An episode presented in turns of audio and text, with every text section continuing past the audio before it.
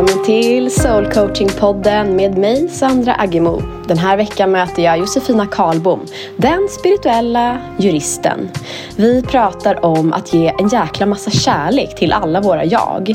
Att alla våra delar får och behöver vara välkomna. Vi är ju för fasiken som en stor jäkla underbar cocktail, en gott och blandat påse av allt möjligt. Jag vet att du kommer känna igen dig på något sätt det här avsnittet. Lyssna och njut. Här kommer Josefina.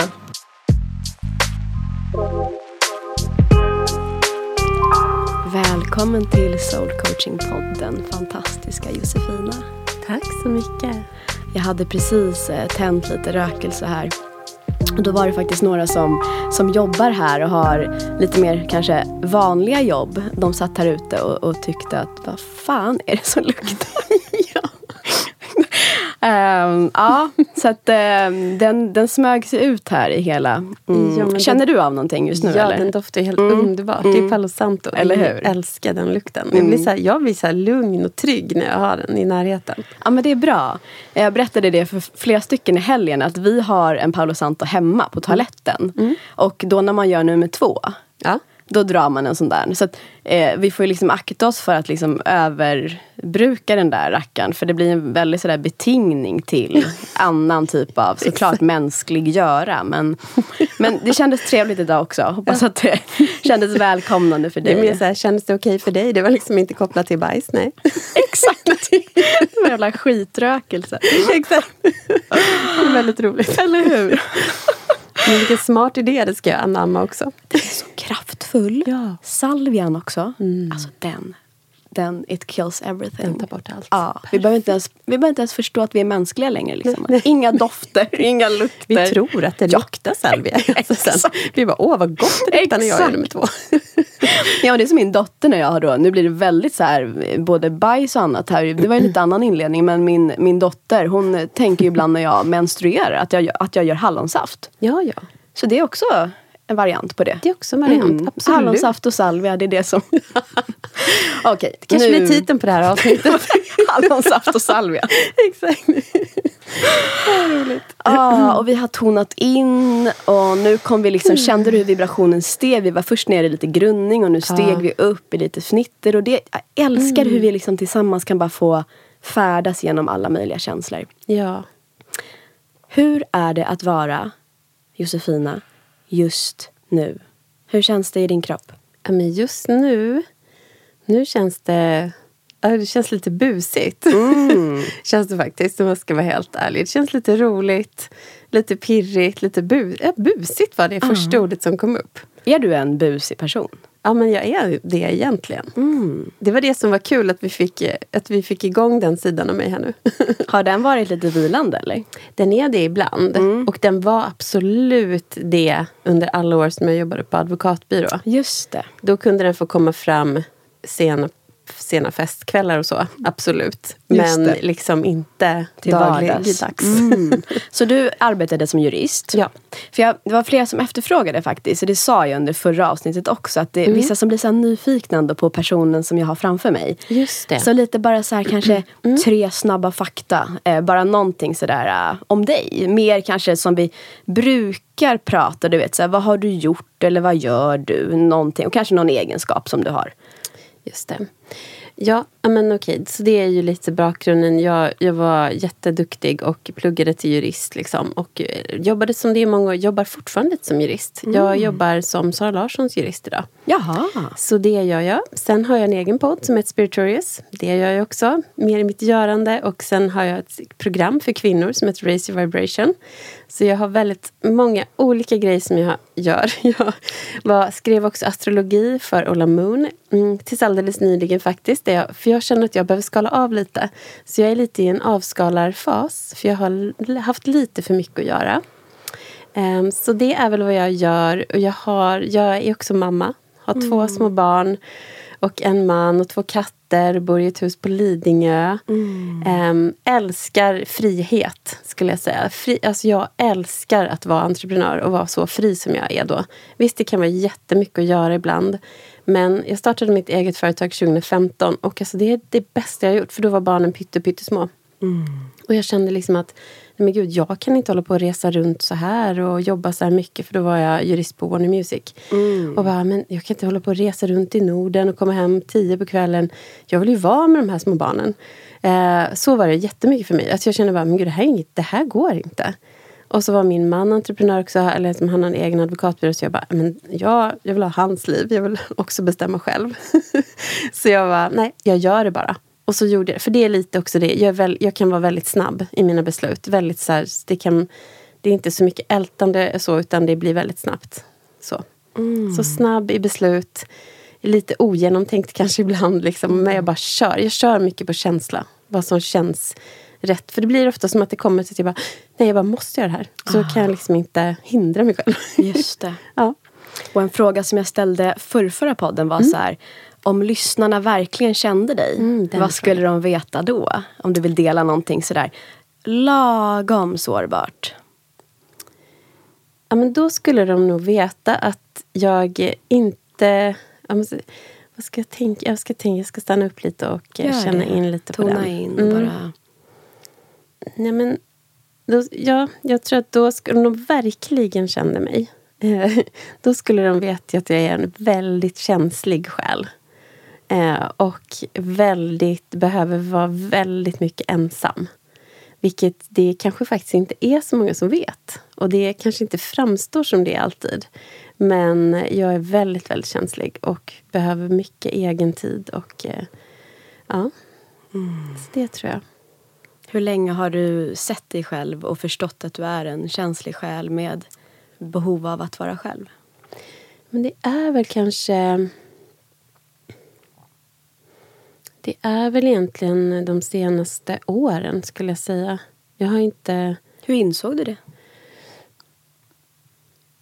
Jag, jag undrar om det är pandemin.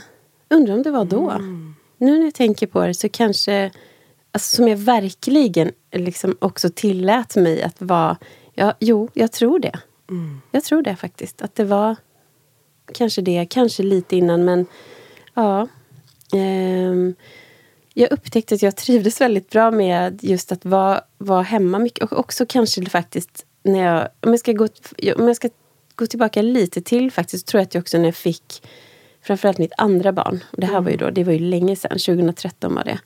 Då så, alltså jag älskade, för första barnet då, stackars honom, men, men då var det så mycket, jag var kvar mycket i det här med att ah, men jag måste ju tillbaka snabbt till jobbet och jag var liksom, det var så stor omställning från att inte ha barn till att ha barn. Mm. Och att jag kände att ja, jag borde också kunna jag borde också umgås med alla och vara, jag skulle vara så väldigt social. Men just jag hade liksom nästan bestämt med mitt andra barn att jag bara, nu ska jag låta mig själv bara vara med henne typ och vara med båda barnen. Så jag tror att det kanske någonstans så började där. Sen så tror jag det försvann lite liksom, i bort igen efter att jag varit föräldraledig och sådär. Men sen kom det nog tillbaka på riktigt under faktiskt när pandemin började. Att jag mm. insåg att jag kanske inte är så extrovert som jag tror. Att jag har också ett jättestort behov av att vara själv och tillåta mig att känna. Att, och att jag, just det här med att jag är väldigt känslig för andras energier och så. Just det. Jag visste ju att jag var känslig för... Jag, var väldigt känslig som barn. Mm. Jag var jätterädd. Så, ah. så rädd för allting. Mm. Eh, och eh, sen så men den, fick, den liksom tränade jag väl bara liksom stängde av lite den där känsligheten tror jag. Mm. Men sen när jag liksom började yoga, man började lära sig att yoga, bli yogalärare och sådär så öppna, är det ju så mycket som öppnas upp igen och man får komma tillbaka till de där känslorna och få liksom en bredare förståelse för sig själv. Så det har ju kommit tillbaka successivt att mm. ja, men jag har mycket känslighet. Och, Just det. Um, wow. Och ditt andra barn kom 2005? 13 andra barnet kom 13. Mm. Just det. Mm. Och nu är, nu är vi här och vi, liksom, vi har öppnat som du beskriver, du har öppnat dina kranar nästan så i att, mm. med känslor och flöde. Ja. Liksom.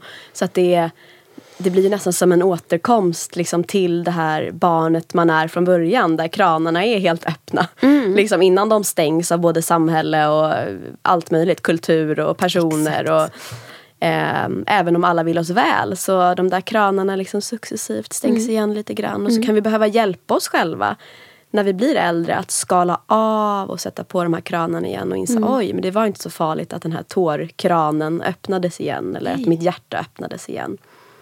Okej, men vart är du nu? Och vart vill du? För Det kan ju också vara så att du är någonstans nu och känner att du är på väg någonstans men att det inte är riktigt dit du vill. Vad, vad, är du någonstans just nu om det går att beskriva? Och sen också vart vill du? Vart vill din själ? Vad är det liksom som, vad har du för riktning just nu? Ja, väldigt bra fråga. Eh, jag, eh, jag är i en väldigt stor, eller som man säga, jag har varit och är fortfarande i en väldigt stor förändringsperiod. Jag eh, har ehm, jag, jag, vet inte, jag har en så ständig känsla, och har haft det sen i somras egentligen, av att det är så mycket som ska förändras. Men jag vet liksom inte riktigt vad. Men det är också mycket som har förändrats. Jag drev min podd då med min syster förut och nu har hon, hon har varit tvungen att hoppa av för att hon känner att hon inte hade tid med det längre. Och så, där. Och så nu gör jag den själv, vilket är en jättestor förändring som jag inte trodde skulle vara. Jag tänker bara att men jag fortsätter ju bara, för jag var ändå den som producerade och gjorde allt. Men eh, det är, en stor, det ett stort steg att göra den själv. Att ha, det vet ju du att man, man gör jag. en egen... Alltså det, blir, det var faktiskt en mycket större förändring än vad jag trodde. Eh, och, men det känns väldigt kul, för det känns ju som att det är nytt. Och, men, så att det jag är nu, precis nu, om jag ska vara helt ärlig då, så är det väl att jag, som jag var lite inne på från början också, det är mycket förändring, men det är jag har varit lite otålig. Jag vill att det är så mycket som ska hända. Och jag vill framåt så mycket. Och väldigt sådär snabb energi ju. Och älskar ju också förändring. Men just nu så har jag faktiskt insett och fått till mig väldigt mycket att jag behöver sakta ner och skala av saker. För jag har just en tendens att eh, säga ja till allt. Jag har nästan som att jag har tre tidslinjer på samma dag. Så att dygnet får ha 72 timmar. Mm, praktiskt. För mig. Och mm. det kan vara liksom att jag står och pratar med min man om att Ja men just det, så på fredag ska ju du åka iväg där och sen så bara i nästa sekund jag bara, mm, vad ska vi käka på fredag? Så här. Han bara, men du är ju helt, jag bara, ja just det.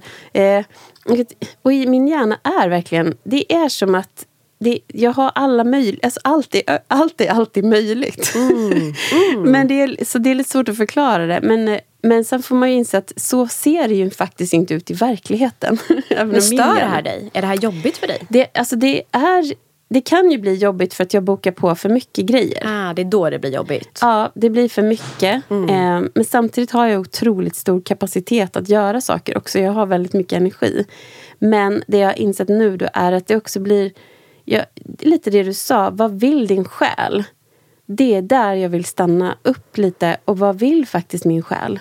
Den vill nog faktiskt, den vill inte göra alla de här sakerna. Alltså, jag har känt att jag behöver nog stanna upp och fråga mig själv mycket mer. Vem, för vem gör jag det här? Varför jag säger jag ja till det här? Eller varför? Och liksom för jag vill ju också verkligen hitta, jag vill ju ha tid att vara med mina barn och mm. vara närvarande framförallt när jag är med dem. Inte känna att jag bara, oh, jag kan bara springa ner lite grann och skriva några grejer här. Eller så. Så att eh, jag är väl i en, ja, men en förändring.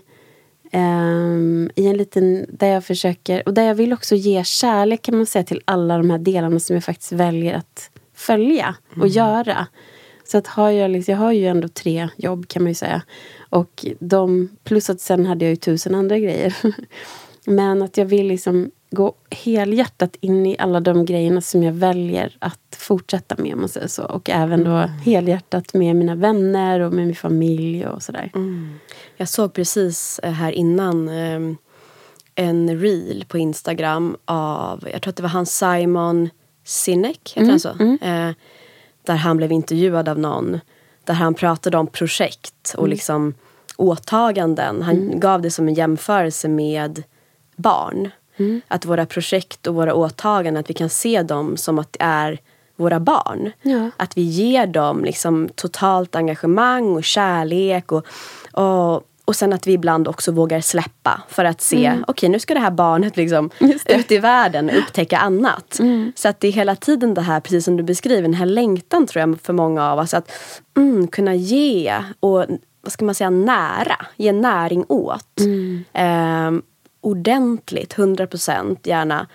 Och sen då även kunna bestämma, okej okay, ska jag släppa det här nu eller ska jag inte släppa? Och då kanske det är, om man då tänker på ett barn, ja men okej okay, om det är 17, 18, 19, 20 år och den kanske uttrycker att nej, men jag vill flytta hemifrån eller jag vill göra det här eller jag har andra behov av något slag. Att okej, okay, jag släpper. Mm. Och det behöver inte betyda då, man släpper inte kärleken men man släpper liksom den här, det här åtagandet lite grann. Mm. Så om du vågar titta liksom med utomstående ögon på ditt egna liv. Finns det någonting sådär som du vet att ja, alltså det här eh, borde jag faktiskt skala bort. Men det skrämmer mig att göra det. Ja, jag ska tänka här. Jo, det är, alltså, jag borde ju skala bort någon av de sakerna som jag jobbar med. Så är det ju. Hur känns det? jo, men det känns jättejobbigt. Eh, mm. för jag älskar ju att göra tusen saker, så det känns jobbigt. Um, och jag vet ju vilken riktning jag... Min själ vill ju gå mer mot att jag vill podda mer. Mm. Jag vill jobba mer med kvinnor och liksom hjälpa dem. Och, alltså, eller och liksom inte hjälpa dem så, men att de ska hitta in i sig själva, hitta nycklarna liksom och sådär. mm. Så att egentligen, så jag tror att jag på sikt är på väg ifrån liksom, min juristroll. Det är ah. väl det. Mm. Men det är också, det känns... Eh, ja, det det är, eh, det är en process.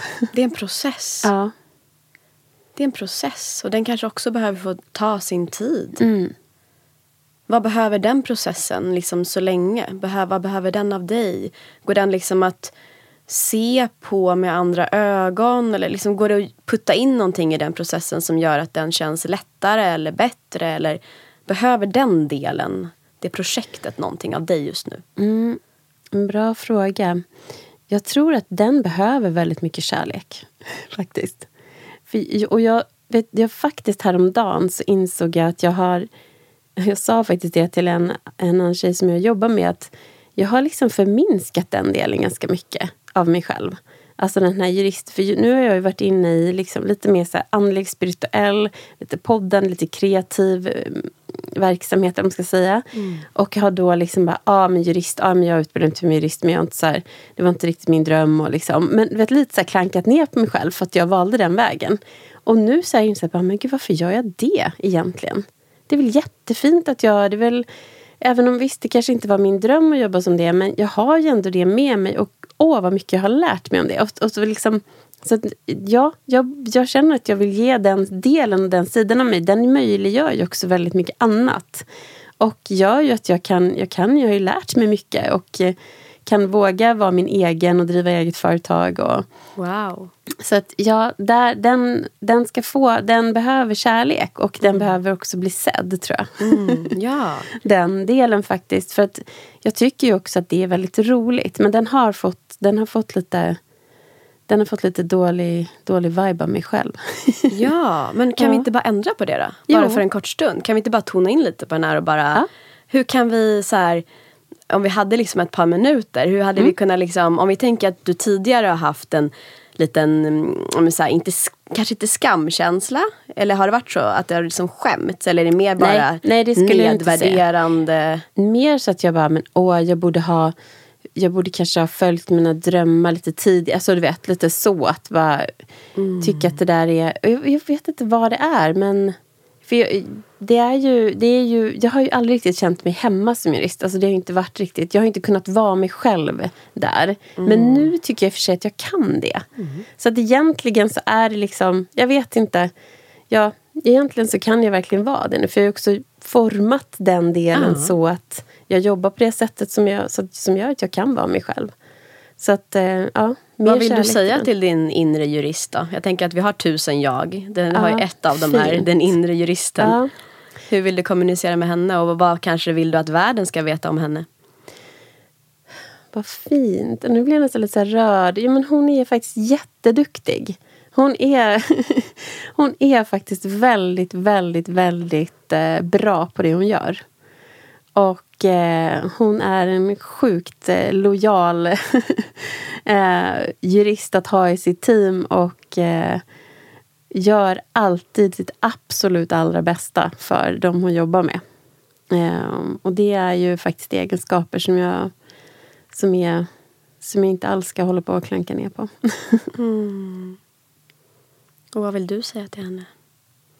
men var stolt över dig själv vara stolt över allt du har åstadkommit. För om jag hade... Om du hade liksom sett på det som du jobbar med nu, de personerna som du jobbar med och allt det som du har fått uppleva med de artisterna och de producenterna, låtskrivarna som du har fått jobba med.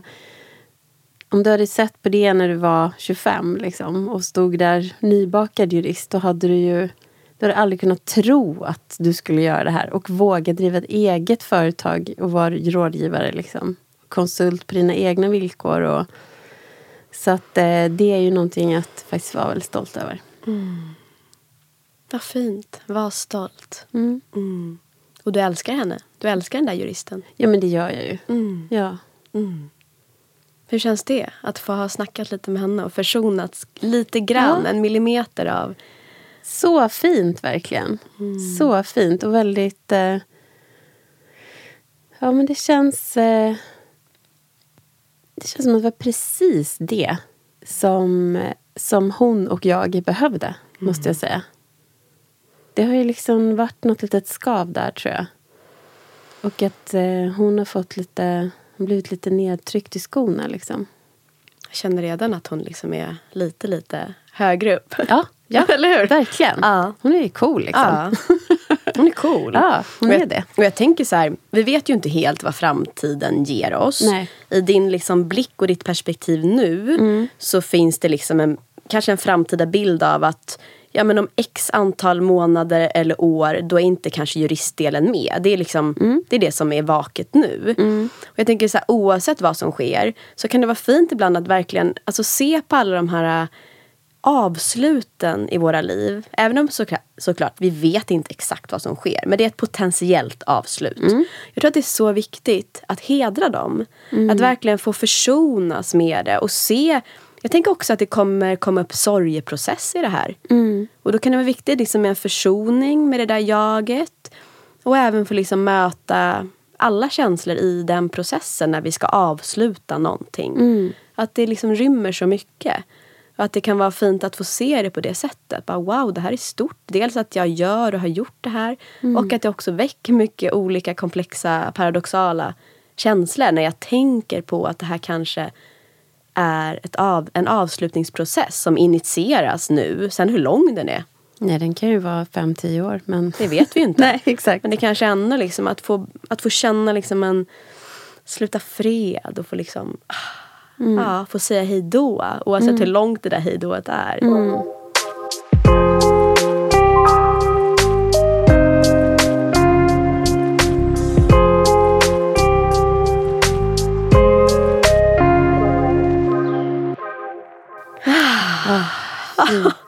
Hur känns det nu? Ja, men det känns jätteskönt. Och det är så himla spännande att vi pratar om just det här. För att jag, jag tänker också att hon kommer ju alltid ändå vara med mig.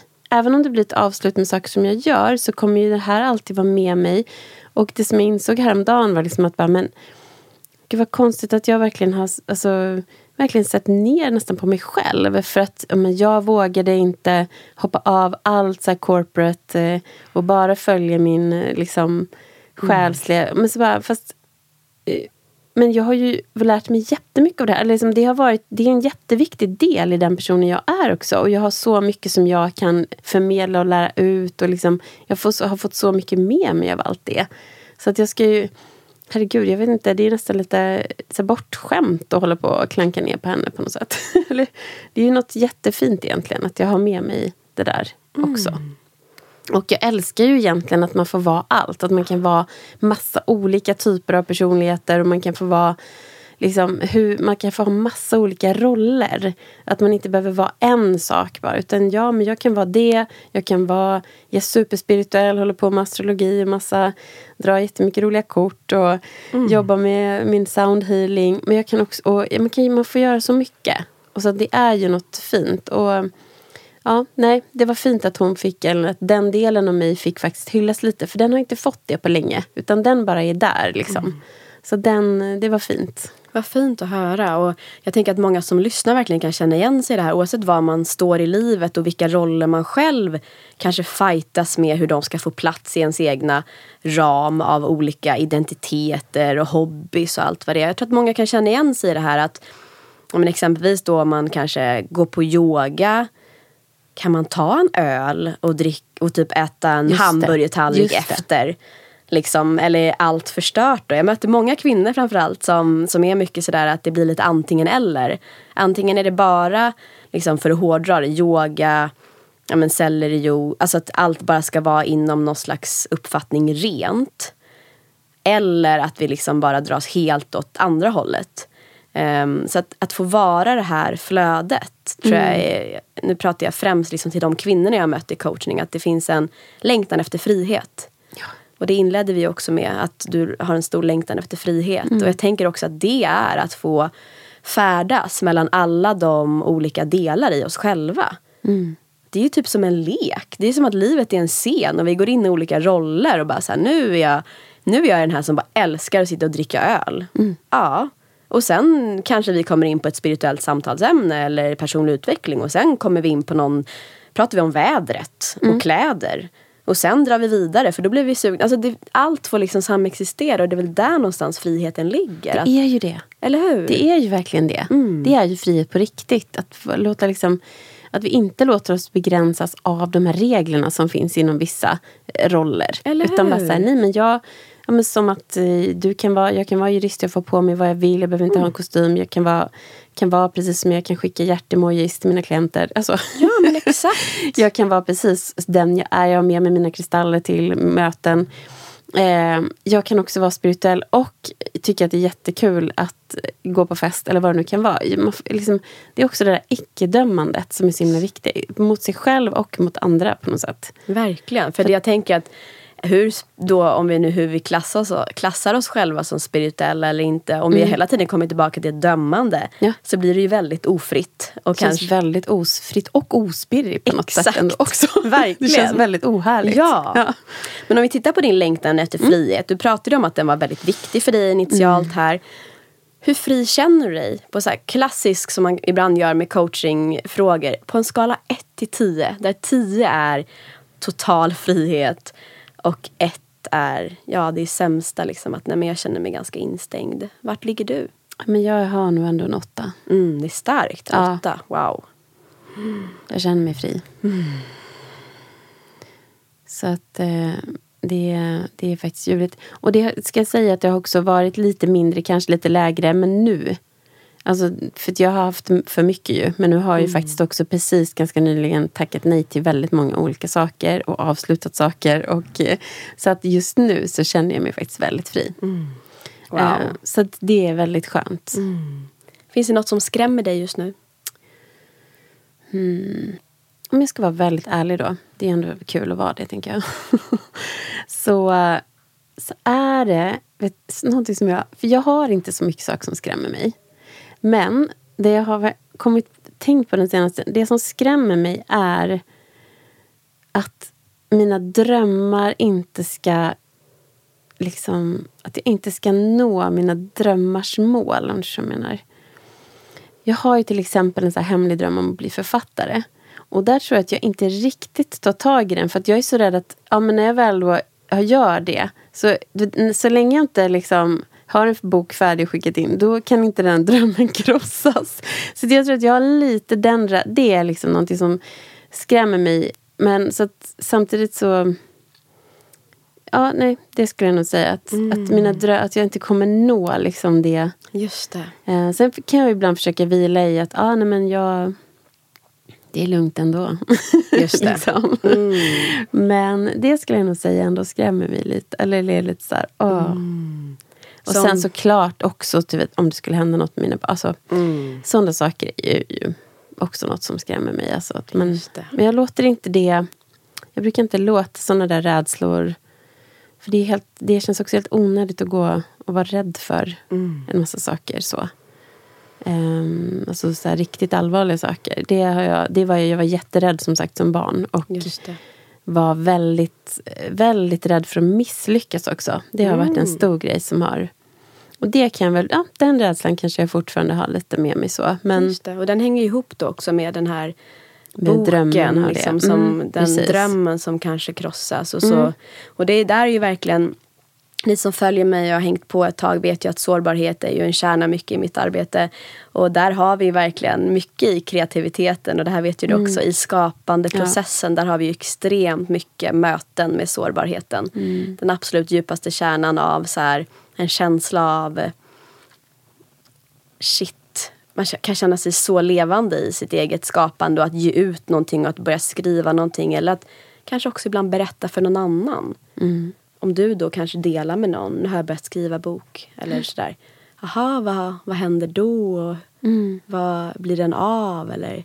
Men om du inte var rädd för det här. Om vi leker att liksom rädslan var helt alltså bortblåst. Och du levde ett liv utan den rädslan. Skulle du göra någonting annorlunda? Tror du det? Om du inte var rädd för att misslyckas. Går det att tänka det? Eller går det inte kognitivt komma åt det? Om du inte var rädd för att misslyckas, skulle du göra någonting annorlunda då med just den drömmen? Jag skulle nog... Eh, jag skulle nog ha skrivit mycket, mycket mer. Mm. Det skulle jag faktiskt ha gjort. Vart någonstans? Nu blir vi så nördiga. Mm. Är det liksom i ett Google-dokument? Är det ett Word-dokument? Ett vanligt Word-dokument Word skulle säga. Ja. ja. Skrivit mycket mer och vågat liksom gå på den. Mm. Jag ändå har ju men, och sen det kan jag nog känna med liksom, allt med så skapande, typ Instagram. Eller, där kan jag också bli lite begränsad i att mm. jag inte riktigt vågar. Liksom. Eh, så där skulle jag också vara mer där skulle jag också vara mycket mer fri. Mm. så där är en liten... ja. ja. Vart skulle du vilja börja någonstans? Om vi tänker att vi går från det här, liksom den här mysiga sessionen med en utmaning där vi tänker att vi mm. vill expandera och vi vill komma åt utvecklingszonen. Vi vill mm. inte komma åt panikzonen där det blir liksom för läskigt. Men ett, um, och så tänker vi också i form av en action. Där du på ett så här lagom medkänslebaserat sätt utmanar dig själv i det här. Vad skulle det vara då i skrivandet? Och utan att det heller blir liksom ett ytterligare to-do. För du pratar ju också om att du, har, du är en avskalningsprocess. Mm. Så det är jätteviktigt också att hedra den delen. Att det inte bara blir så här, nu ska jag skriva två timmar varje morgon mellan sex och åtta. Vad skulle liksom kännas, vad känns spännande och lite läskigt? Men den... Nej men då skulle jag nog ändå försöka satsa lite på att skriva typ en liten stund varje dag. Mm. För jag håller ju på att skala av. Ja. Och låta mig själv göra det. Så låta mig själv vara kreativ på riktigt. Och också skulle jag kunna dela om jag skulle göra det skulle inte kännas så läskigt. Men om det, något som skulle kännas lite läskigt var kanske mer att dela kanske mer så här, om mig själv eller liksom skriva lite mer på ja, sociala medier eller skriva på, någon, alltså på min hemsida, på någon blogg. Eller, alltså vara lite mer Just det eller våga säga lite mer vad jag tycker också kanske. Mm. Alltså du vet, våga vara lite mer så här, ah. inte så strömlinjeformad. Just det. För det är ju inte jag egentligen. Jag är ju ganska busig. Ja, ah, exakt. Du har ju ja. det där buset. Jag har ju det i mig. Ah. Och jag har ju också väldigt starka åsikter om vissa ah. saker. Liksom. Ah. Som är så här, ja, men jag, jag är ju här för att skapa också, jag, jag har också någon stor stark känsla av att jag är här för att förändra världen och liksom skapa en bättre värld, mer kärleksfull värld. Och ähm, ja, Mm. Det är liksom det som är min... Det kommer också vara det som är... Kommer, podden kommer mer och mer liksom, ja. gå in mot de samtalen och ha djupa samtal och lite mer så här, vad kan vi göra då? ja, men magiskt. Mm. Vad är du egentligen rädd för? Vad är det som ska hända? Ja, men, ja, jag tror ju att det är att bli liksom dömd av andra eller att bara andra ska tycka. Det, jag tror att det ligger där fortfarande ändå efter all, allt, dessa, allt detta självutvecklande arbete. Så har du haft någon sån upplevelse? Har du fått någon som Nej, men jag har ju inte det. Nej, så du har inte varit med om det? För Nej, det är ganska bra att vara med om det. Ja, men precis. Och det, men det, är ju, och det är ju för att jag är så himla så här, trevlig. Och, nej, men vad ska man säga? Det är ju så... Det är ju egentligen ingenting att säga. Det går inte att säga så mycket. Kan du inte vara lite otrevlig nu då? Ja, nej. ja. Det, är väl, det är väldigt svårt för mig. Ja, gud, alltså, det, det är också. Och det är ju, man vill ju inte heller vara otrevlig. Nej. Och det är inte det jag kanske heller menar. Men mer så här, kanske inte bara prata om de mest bekväma ämnena. Eller liksom, um, samtidigt så älskar jag ju att sprida positiva vibes. Liksom. Men man kan också göra det på ännu lite mer vågat sätt kanske. Mm, hur skulle det se ut? Nej men utmana rådande normer lite mer kanske. Och så, för jag har ju så mycket inom mig, in, vad, vad jag liksom mm. känner och tänker. Och just, så här, så här, just det som vi pratar om med roller, visa mer så här fri får du vara. Liksom. Mm. Alltså, var, alltså faktiskt, var, så här, också mer inspirera andra att gå utanför comfort zonen. Ja. För det är det jag vill och det, jag har ju gjort det hur många gånger som helst. Men någonting är det som håller ändå mig tillbaka liksom på, mm. skulle jag säga, i sociala medier. Jag vet inte, jag har inte hållit på med det så länge heller. Nej. Jag är inte liksom... Jag har ju då min introverta sida också. Så att innan jag liksom började jobba mer med de här sakerna med podden och liksom var out there med yoga och sådana där saker så hade jag ju liksom inte överhuvudtaget Instagram i princip. så att det har liksom varit en process för mig. Mm. Um, men uh, nej, Låt oss hitta någon rolig utmaning där då. Var ja. lite mer spontan. Ja, spontan. Det är mm. väl det också. För jag har ju den här stora... Det är väl en annan grej som jag har som är, är stor perfektionist. Som mm. sitter där på min axel och bara tycker aldrig att någonting är bra nog. Jag är ju väldigt petig och perfektionistisk. Just det, så spontanitet. I... Så spontanitet, mm. ja. Där har vi något. Där har vi något. Och mm. liksom, det tror jag nog faktiskt. Mm. Då bjuder vi in det. Vi bjuder in det nu. Och hur ser det ut då? Förkroppsligat och förverkligat i ditt liv? Då skulle jag säga så här att dels om man tänker skrivandet Um, då är det ju bara att skriva, inte hålla på att redigera mig själv i Nej. varje mening. Nej. Och till exempel alltså, med på sociala medier, eller vara lite mer, alltså bara skriva. Ja. Inte hålla på att redigera det heller. Mm. Lägg ut en bild bara, det är inte så svårt. Eller liksom vara lite mer, spela in en liten snabb, något, gör något lite mer bara spontant. Ja. Det behöver inte vara så genomtänkt eller ha någon, följa någon strategisk plan. Eller, Nej, det kan vara en viktig grej att posta skräpinlägg som det kallas. Det. Att faktiskt våga och kanske till och med ibland om man skriver någonting och har någon bild och så bara nej men det här är inte tillräckligt bra mm. eller sådär. Att faktiskt också våga lägga ut det. För då på sikt kommer du också börja utmana de här liksom egna kraven och ramarna som du har. Så att faktiskt våga posta sånt som ja, kanske inte kändes 100% att våga göra det. Och sen jättebra. självklart våga titta på det. Jag tänker just när det kommer till sårbarhet som mm. vi har pratat om tidigare i podden. att Vi behöver ju också såklart titta på det om det är någonting som känns sårbart. Att tänka, okej, okay, om någon tycker någonting om det här eller om någon har en åsikt, är jag redo att ta det? För vissa områden om vi delar kan ju, det kan kännas så varigt och färskt och jobbigt att dela. Mm. Så att så fort någon skulle tycka något så kanske vi bara skulle falla. Mm. Så att, att grunda sig själv innan och bara säga, men okej, är jag redo att dela det här? Just eller det. hur känns det här för mig? Mm. Så den lilla parentesen kan man ju ta med sig. Men också så här, okej, det här känns sårbart och jag är redo att ta. Det kommer nog kännas att mm. människor tycker, okej, men jag är redo att ta det och växa mm. i det. Och det här skrivandet då? Mm. Ska du sätta en klocka på typ, för det fick jag tips mycket när jag gått skrivarkurser, att bara så här, sätt en klocka, eh, om det nu är 30 minuter. Och så måste du typ eller 20 minuter kan ju också vara, men skriv hela tiden. Mm. Och när du inte kommer på vad du ska skriva så skriver du bara något mellanord. Alltså då kan du skriva ditt namn, typ Josefina, när du mm. inte kommer på vad du ska skriva. Mm, mm. Bara skriva, skriva, skriva, skriva, skriva. Bara för att få igång. Det är jättebra. Nu gör jag det. Mm. Mm. Härligt. Det är jättebra. Vad hamnade vi i det här samtalet? Hamnade vi där du trodde vi skulle hamna? Nej, Nej. verkligen inte. Var trodde du vi skulle vara någonstans nu? Nej, men jag vet inte. Eh, det, eftersom jag är den där perfektionisten som jag är så hade jag såklart innan så här tänkt så här, okej, okay, det är ju en prestationsgrej då. Att man innan, och alltid när jag, åkte upp, när jag gick i terapi och så här, jag var alltid väldigt väl förberedd. Ah. bara, Idag tänkte jag att vi skulle prata om Just det. och liksom så här, ja, men nu måste jag prestera här. Jag Just måste liksom det. göra bra ifrån mig mm. hos den här psykologen. Ah, så typiskt liksom högerpresterande. Men så jag har såklart också tänkt lite innan här och varit lite så jag bara, ja, men undrar vad det här samtalet ska ta vägen. Um, men ja, nej, det tänkte jag inte. Mycket, jo, för sig eftersom jag har varit mycket i det släppa taget. Det kan, tänkte jag nog att det kanske vi kommer snudda vid. Men den här juristgrejen tyckte jag var roligt att det kom upp. Och skrivgrejen, att mm. den fick vara med. Den vill ju verkligen gärna vara med alltså. Ah. Det är min lilla barndomsdröm. Alltså det är verkligen den stora drömmen. Det är ju ah. författare liksom. Det är klart att den är också läskig och skör och ändå väldigt den kraftfull. Det. Men ja. det är liksom som en den mm. har ju varit där. Och det, det var så fint för det, det var någon som... Eh, Jag läste det någonstans i alla fall. Så att den enda jag vill imponera det är liksom mitt fyraåriga eller fem eller sexåriga jag. Det var någon som skrev det.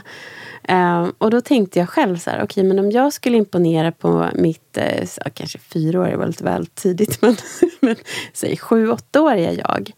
Ja men det är ju då är det ju liksom skrivandet. Mm. Alltså det är ju det hon ville, den där lilla tjejen. Liksom. Hon var det enda hon gjorde också. Bara satt och skrev dikter och skrev och skrev och skrev olika mystiska berättelser. Jag var ju mycket inne på mystik redan då. Mm. Ah. Mm. Och sen glömmer vi bort liksom grunden i skrivandet ju äldre vi blir. Att det handlar mycket om att sitta på rumpan och skriva. Ja. Alltså det är ju grunden. Och för att det är roligt. Och också roligt, skapa lusten. för skapandets skull. Och inte det här att det ska vara en prestation i det som det så lätt blir. Mm. Och att man tänker att ah, men det måste, då tänker jag ju direkt det måste bli en så internationell bestseller. Annars är det inte värt något. Nej. Typ så. Och vem vet, det kanske det blir. Det kanske det blir. Men att det är inte... Men du vill fortfarande sitta ner på rumpan ja, och göra exakt. det du tycker om. Ja, ja. Mm. Okej, okay. alltså ja. jag känner så här. Ja, varför inte lägga på, höll jag på att säga. Ja, då har vi en plan. Ja, då har vi en, plan. Vi en plan. Ja. ja. Så om du vill, liksom, vad tar du med dig från samtalet? Vi har in, varit inne på det lite grann. Men om du bara så här, vad, vad tar du med dig? Vad är vaket just nu när vi har pratat? Men dels älskar den här underbara juristen i mig. Mm. Älskar henne. Um, verkligen våga gå in i de där riktigt stora drömmarna. Våga embracea dem. Mm. Skriv. Var mer spontan. Släpp mm. perfektionismen lite. Släpp prestationen lite. Och det som du sa som var så otroligt viktigt för mig var så här, våga lägga ut lite skit eller lite skräp. Liksom. Mm. Herregud, vad gör det? För det är min största, jag, min största utmaning ah. i allt som jag gör. Min syrra höll på att bli galen på mig när vi jobbade. Hon bara, åh du är spetig. Jag bara, jag vet. Ah. Jag måste bara, den här kanten måste vara exakt likadan som någon annan. Ah. Men vad fan, vad spelar det för roll? Nej. Om det inte är en perfekt bild eller en texten är lika så, så det ligger helt centrerat på pappret. Mm. ja. Och samtidigt återigen, hedra den sidan hedra i dig. också den sidan. Den är ju också en del i den här lilla juristsidan. Och hon Exakt. är fin också. Hon ja. är ju det. Så verkligen hedra det och inte klanka ner på det. Du har rätt i. Inte... Att det är också okej. Okay, men mm. att ibland kanske vi i vissa sammanhang kanske den inte alltid servar oss. Eh, Nej, sant. Vad heter det svenska ordet? Alltså den eh, Tjä, tjänar, tjänar oss. oss Exakt. Ja. Att där kan vi liksom, mm, okej okay, men just nu tjänar inte det här mig. Mm. Okej okay, nu vill jag prova någonting annat. Mm. Att vi har de här olika typ superkrafterna och rollerna som vi kan ta till vid olika sammanhang och i olika perioder kanske det är viktigt för oss att våga utmana oss på olika sätt för att få vissa sidor i oss att växa och expandera. Mm. Så att vi kan kliva ut och in i olika roller. Tack för dig.